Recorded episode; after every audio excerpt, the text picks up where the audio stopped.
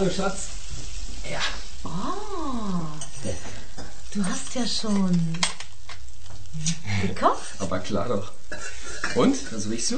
Jedenfalls keinen Fisch. Naja, Fisch bekommst du in den nächsten Jahren noch genug. Aber stell dir vor, im Supermarkt gab's heute Rinderfilet im Angebot. Ich habe schöne kleine Spitzen geschnitten und eine Soße aus Pilzen, Steinpilzen gemacht. Ähm, Salat ist auch schon fertig. Sehr brav, mein Lieber. Mm. Ich genieße jetzt jeden Abend, an dem du noch nicht nach Fisch duftest. Das wird sich aber bald ändern. ja, Liebling. Uwe Herder ist seit ein paar Monaten arbeitslos. Vorher hatte er als Einkäufer für die Lebensmittelabteilung einer Kaufhauskette gearbeitet. Seine Frau Margot ist als Buchhalterin in einem großen Unternehmen tätig. Uwe will sich jetzt selbstständig machen und glaubt, eine Marktlücke entdeckt zu haben. Ein eigenes Geschäft, in dem er kleine Fischgerichte und Salate mit Fisch und Meeresfrüchten verkaufen will. Ein Imbissrestaurant, einen Fischimbiss. Alle Genehmigungen, die er persönlich dafür brauchte, hat er schon. Seit ein paar Wochen hat Uwe Herder nach einem geeigneten Geschäftsraum gesucht. Der Laden sollte an einer Stelle in der Stadt sein, wo tagsüber und abends möglichst viele Menschen vorbeikommen. Seit heute weiß er, dass er den richtigen Laden gefunden hat.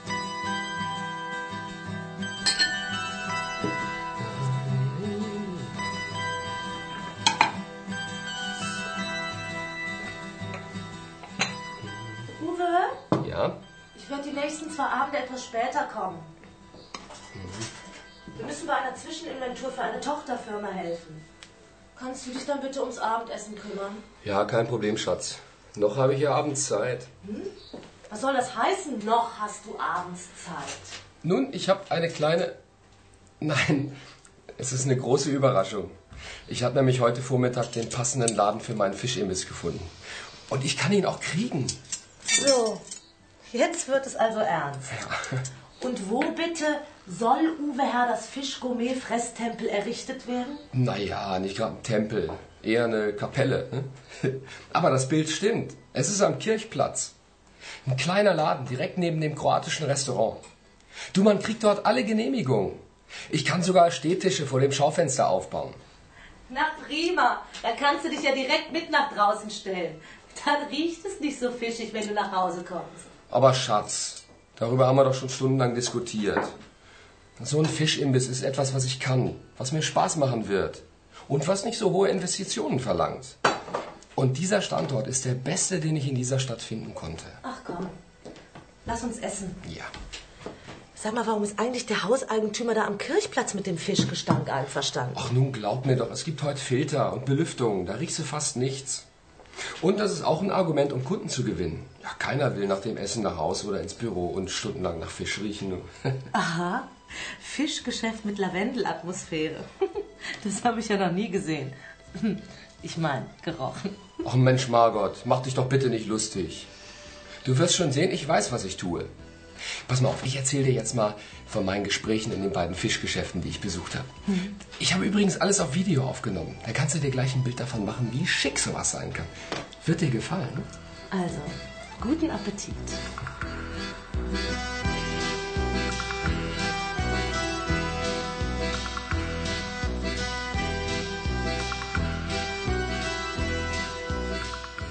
Imbissgeschäfte sind in Deutschland nicht gerade selten.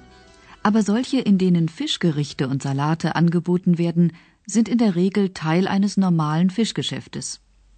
Dort werden hauptsächlich roher Frischfisch, geräucherter Fisch sowie Salate mit Fisch und Meeresfrüchten verkauft. Doch Uwe Herder will kein normales Fischgeschäft mit einem Imbiss. Er hat sich entschlossen, lediglich Fischgerichte und schmackhafte Salate zu verkaufen, die leicht und schnell zubereitet werden können. Das war köstlich, Uwe. Man merkt ja doch noch, dass du mal Koch gelernt hast. Naja, die Soße war gelungen, aber das Fleisch hätte besser sein können. Das Filet war zu frisch. Tja, das ist bei Fisch eben ganz anders. Der muss wirklich möglichst frisch sein, damit er gut schmeckt. Womit wir wieder beim Thema wären. Ja, mir geht der Imbiss eben im Moment ständig durch den Kopf. Du, ich habe schon darüber nachgedacht, wie er heißen soll. Fischherder wäre, glaube ich, ziemlich unpassend, oder? Dann glaubt jeder, aha, da gibt's jetzt einen Herder, der verkauft Salzheringe. Dann ist Fisch-Uwe schon besser. Ach Quatsch, Fisch-Uwe. Das klingt ja wie so eine Bude von so einem Schreihals auf dem Hamburger Fischmarkt. Apropos, ich habe mir eine Kassette mit Videoaufnahmen vom Hamburger Fischmarkt besorgt. Guck mal. Schau dir mal an, wie es da zugeht, du. Jetzt kommt das Beste! Einmal 20 Mark 18. Nein, hier, lieber ein Stück umsonst fressen, mein Lieber. Lass da an, komm her, gib nicht so geil. Nee, nee, nee, du. Da soll es bei mir schon ein bisschen vornehmer sein. Ich will auch einen guten trockenen Weißwein zum Essen anbieten. Ah, bei der Gelegenheit. Ich habe uns eine Flasche Muscadet in den Eisschrank gelegt. Ich hol sie mal eben, ne?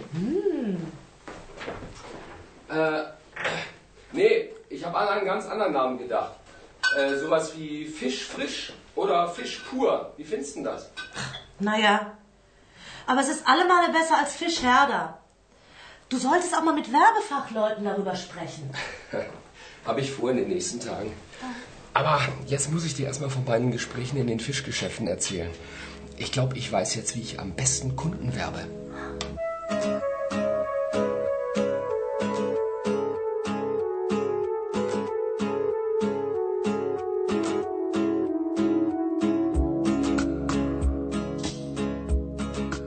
Zur richtigen Kundenwerbung gehören viele Einzelheiten. Am Ende müssen sie alle zueinander passen, ein Ganzes ergeben. Schon der Name eines Geschäftes gehört dazu. Das gilt besonders, wenn das angebotene Produkt an diesem Platz neu ist und der Name des Inhabers in der Öffentlichkeit unbekannt. Jeder, der ein Geschäft aufmachen will, hat eigene Ideen. Aber nicht jede eigene Idee ist gut genug, um das Geschäft und das Produkt zum Erfolg zu bringen. Man ist also gut beraten, sich erst einmal umzuschauen, wie sich andere Anbieter in der gleichen Branche präsentieren.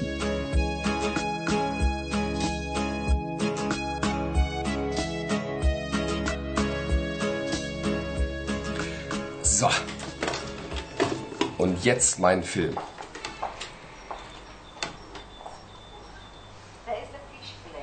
Da. Da bin ich bei Fischerf. Das Geschäft liegt mitten in der Innenstadt.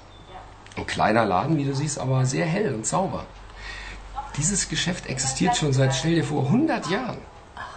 Ja, heute wird es von der Ehefrau des Inhabers geführt. Der ist nämlich inzwischen über 80 und macht zu Hause nur noch die Buchführung. Ach so, und du möchtest dann vielleicht, dass ich dir die Buchführung mache, bis ich eine alte Oma bin? Nö, so lange nicht. Aber du könntest vielleicht ein Buchführungsprogramm für meinen PC besorgen und installieren. Hm? Ja gut, darüber lässt sich reden. Aber nur, wenn du weiterhin schön kochst und nachts nicht nach Fisch stinkst. Ja, ja. Also bei Fischerf kommst du rein.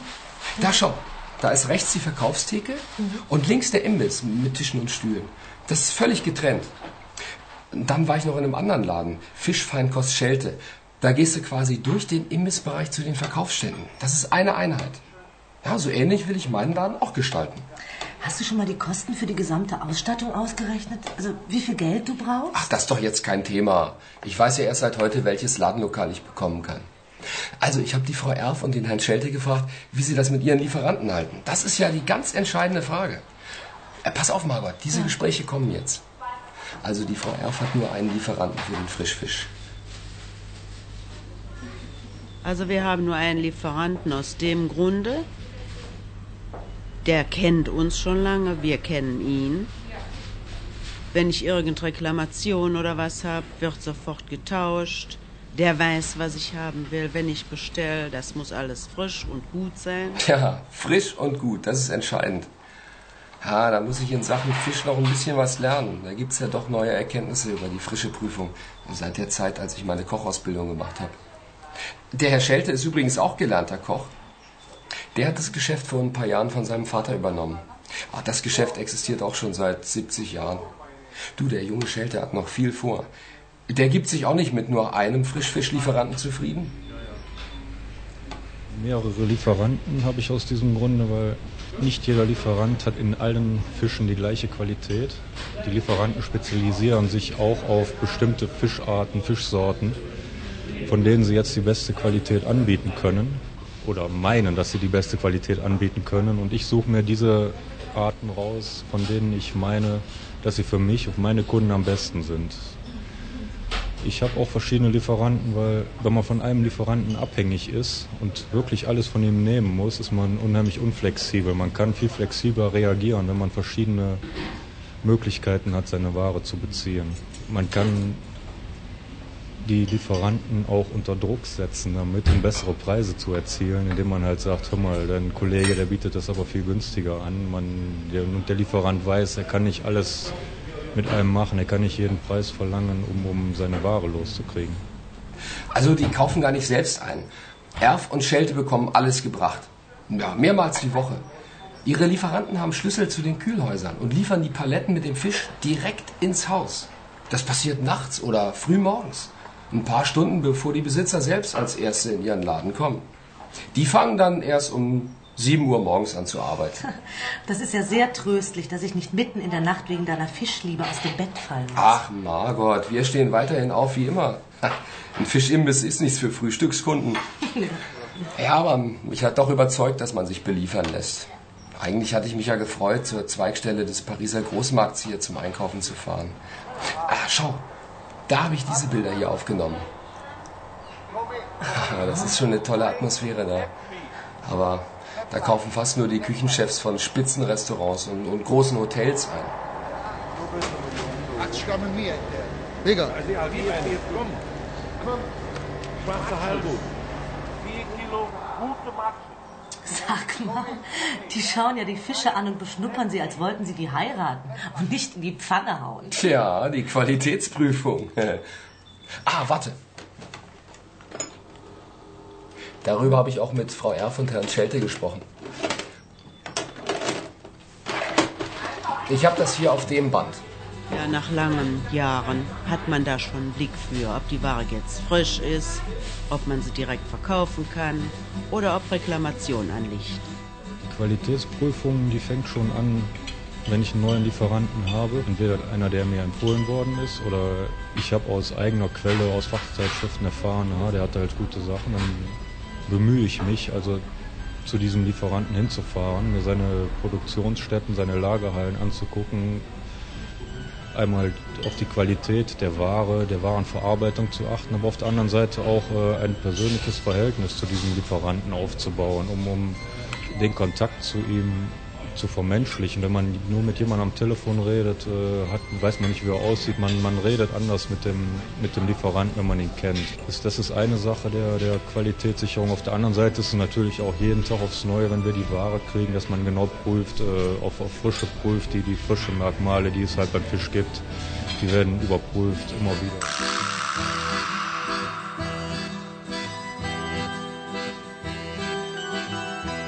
Der Kunde, der in ein Fischgeschäft geht, will nicht nur Fisch kaufen, er will auch beraten werden. Wo kommt der Fisch her? Wie wird er gefangen? Wie wird er transportiert und gelagert? Und vor allem, wie wird er frisch gehalten? In guten Fischgeschäften liegt Frischfisch in der Theke auf einem Eisbett. Das sieht nicht nur schön aus. Das kalte Eis erweckt auch den Eindruck, hier würde der Fisch frisch gehalten. Aber das Eis hat noch eine andere Funktion. Wenn es schmilzt, spült das schmelzende Eis beständig Bakterien von den Fischen weg. So bleiben sie als roher Fisch bestmöglich sauber und gesund für die Ernährung.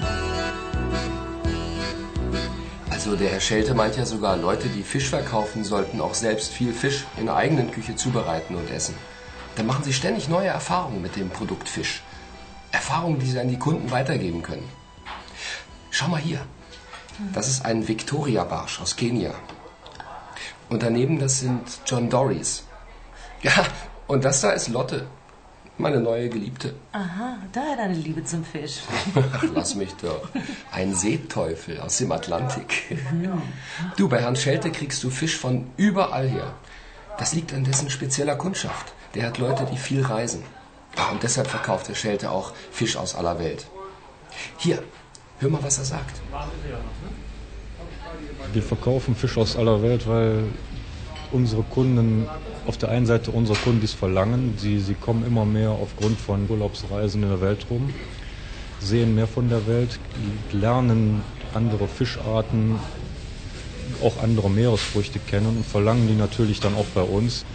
Oder auf der anderen Seite sind natürlich auch Lieferanten oder neue Firmen auf dem Markt, die neue Produkte anbieten und äh, von daher auch an uns herantreten und sagen, hör mal, probier doch mal das zu verkaufen, das müsste eigentlich auch gut gehen.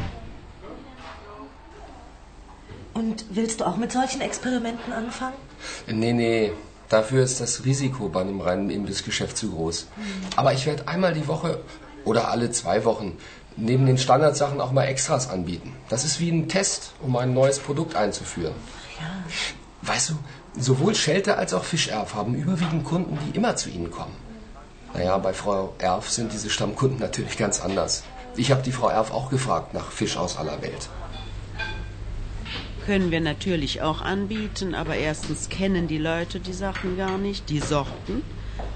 Und wenn einer bestellt bei mir, wird das natürlich für den nächsten Tag mitbestellt. Dann kann der Kunde die Ware haben.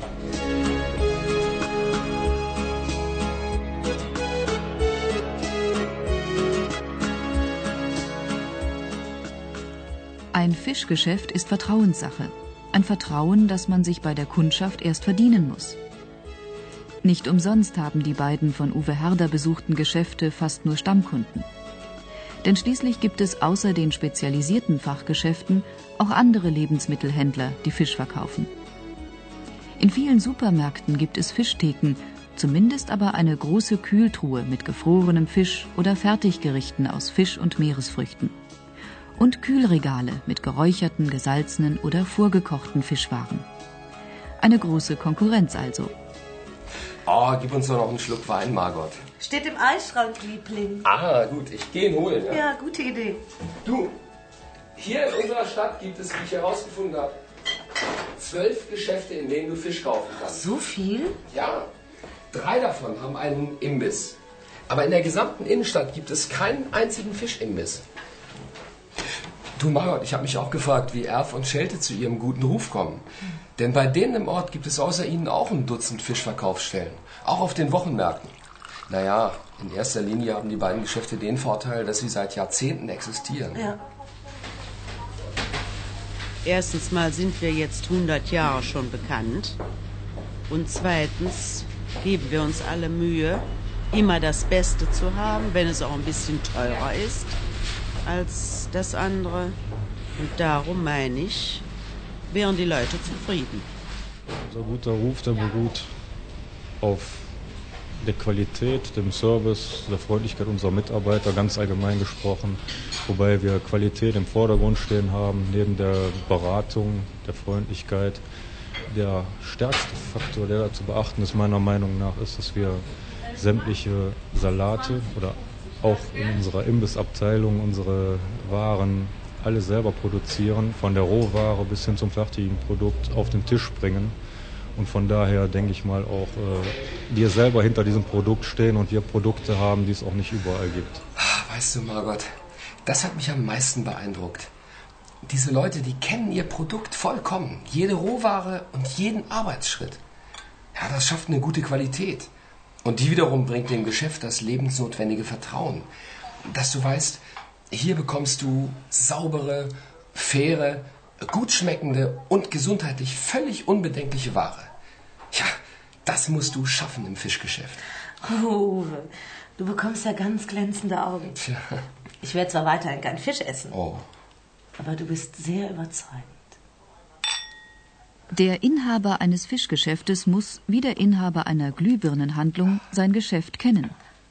Aber der muss nicht wissen, woher das Glas für die Glühbirnen kommt und in welcher Fabrik die Glühbirnen hergestellt werden. Bei spezialisierten Frischlebensmittelgeschäften ist das anders. Die Erfahrung langjährig gut gehender Geschäfte zeigt, dass es sogar wichtig ist, dass auch die Angestellten möglichst viel über Herkunft und Weg der Produkte wissen. Denn der Verkäufer muss dem Kunden direkt Rede und Antwort stehen. Die deutsche Fischwirtschaft ist dieser Erkenntnis gefolgt und betreibt seit kurzem in Bremerhaven an der Nordsee eine eigene Bildungsstätte. Dort werden Fischfachverkäufer aus- und weitergebildet. Initiator und Leiter dieser Bildungsstätte ist übrigens der Vater von Herrn Schelte. Zur Ausbildung gehört auch kennenzulernen, wie eine Fischauktion funktioniert. Außer in Hamburg finden die größten Fischauktionen in Bremerhaven statt. Für einen Laien ein Spektakel wie aus einer anderen Welt. Wunderschönen guten Morgen. Hi, 462 fangen wir an heute Morgen beim Kabeljau. Kabeljau, zweite Sorte, was sagen wir dafür? 40 habe ich dort, 41, 3, 44, 45, 6, 47, Lucia.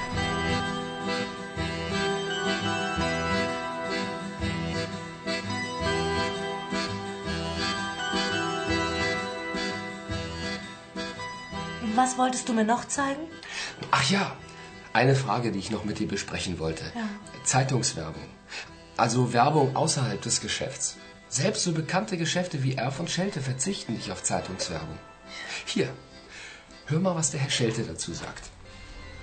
Wir brauchen natürlich auch äh, Kunden, die jetzt nicht per Mundpropaganda angesprochen werden. Die müssen wir ja auch irgendwie ansprechen und da setzen wir oder schalten wir natürlich Zeitungsanzeigen regelmäßig auch, um, um den Bekanntheitsgrad auch in der Bevölkerung zu sichern und so neue Kunden zu uns in den Laden zu locken.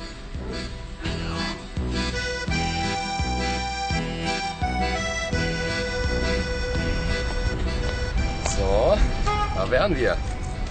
Augen auf. Ta ta ta ta. Ah ja. Naja, sieht noch ein bisschen kahl aus, aber das wird schon. Wenn wir über die Tür ein ordentliches Schild hängen. Das muss natürlich auffallen. Schön groß, bunt, ein bisschen peppig eben. Ne? Und der Name. Der Name ist wichtig. Ja, was Besonderes eben. Ach, vielleicht solltest du ja mit diesem Mann zusammenarbeiten. Wie hieß der noch gleich? Äh, Du meinst den Stefan Schelte? Genau. Der macht doch einen sehr kompetenten Eindruck. Ja, da habe ich auch schon drüber nachgedacht. Tja, Ich habe übrigens auch eine Überraschung für dich. Naja, ist nichts Riesiges, aber hier. Auch wenn mir lieber wäre, du würdest etwas anderes machen als gerade in Fisch. Aber Uwe, ich weiß, dass du auf dem richtigen Weg bist. Ich habe dir deshalb für deine Arbeit etwas Passendes mitgebracht. Ein T-Shirt. Och, Schau dir mal die Aufschrift an. Hey, das ist ja eine tolle Idee. Keep cool. Du, da fehlt nur noch das Wort Fisch. Keep cool Fisch. Oder äh, Fisch, keep cool. Und dann bekommt jede Bedienung im Imbiss so ein T-Shirt. Genau. Denselben Gedanken hatte ich auch schon mal. Hey. Schau mal. Ta ta ta ta. Das sitzt aber verdammt knapp, Donnerwetter. Sieht ja überhaupt nicht mehr cool aus. Eher ganz im Gegenteil. Finger weg. Auch sei doch nicht so cool. Ach, nicht hier in diesem Aquarium. Na gut, dann mache ich eben Feierabend für heute. Ne? Naja, noch kannst du es dir erlauben. Aber dass mir das ja nicht zur Gewohnheit wird. Hey, als Team sind wir eben unschlagbar.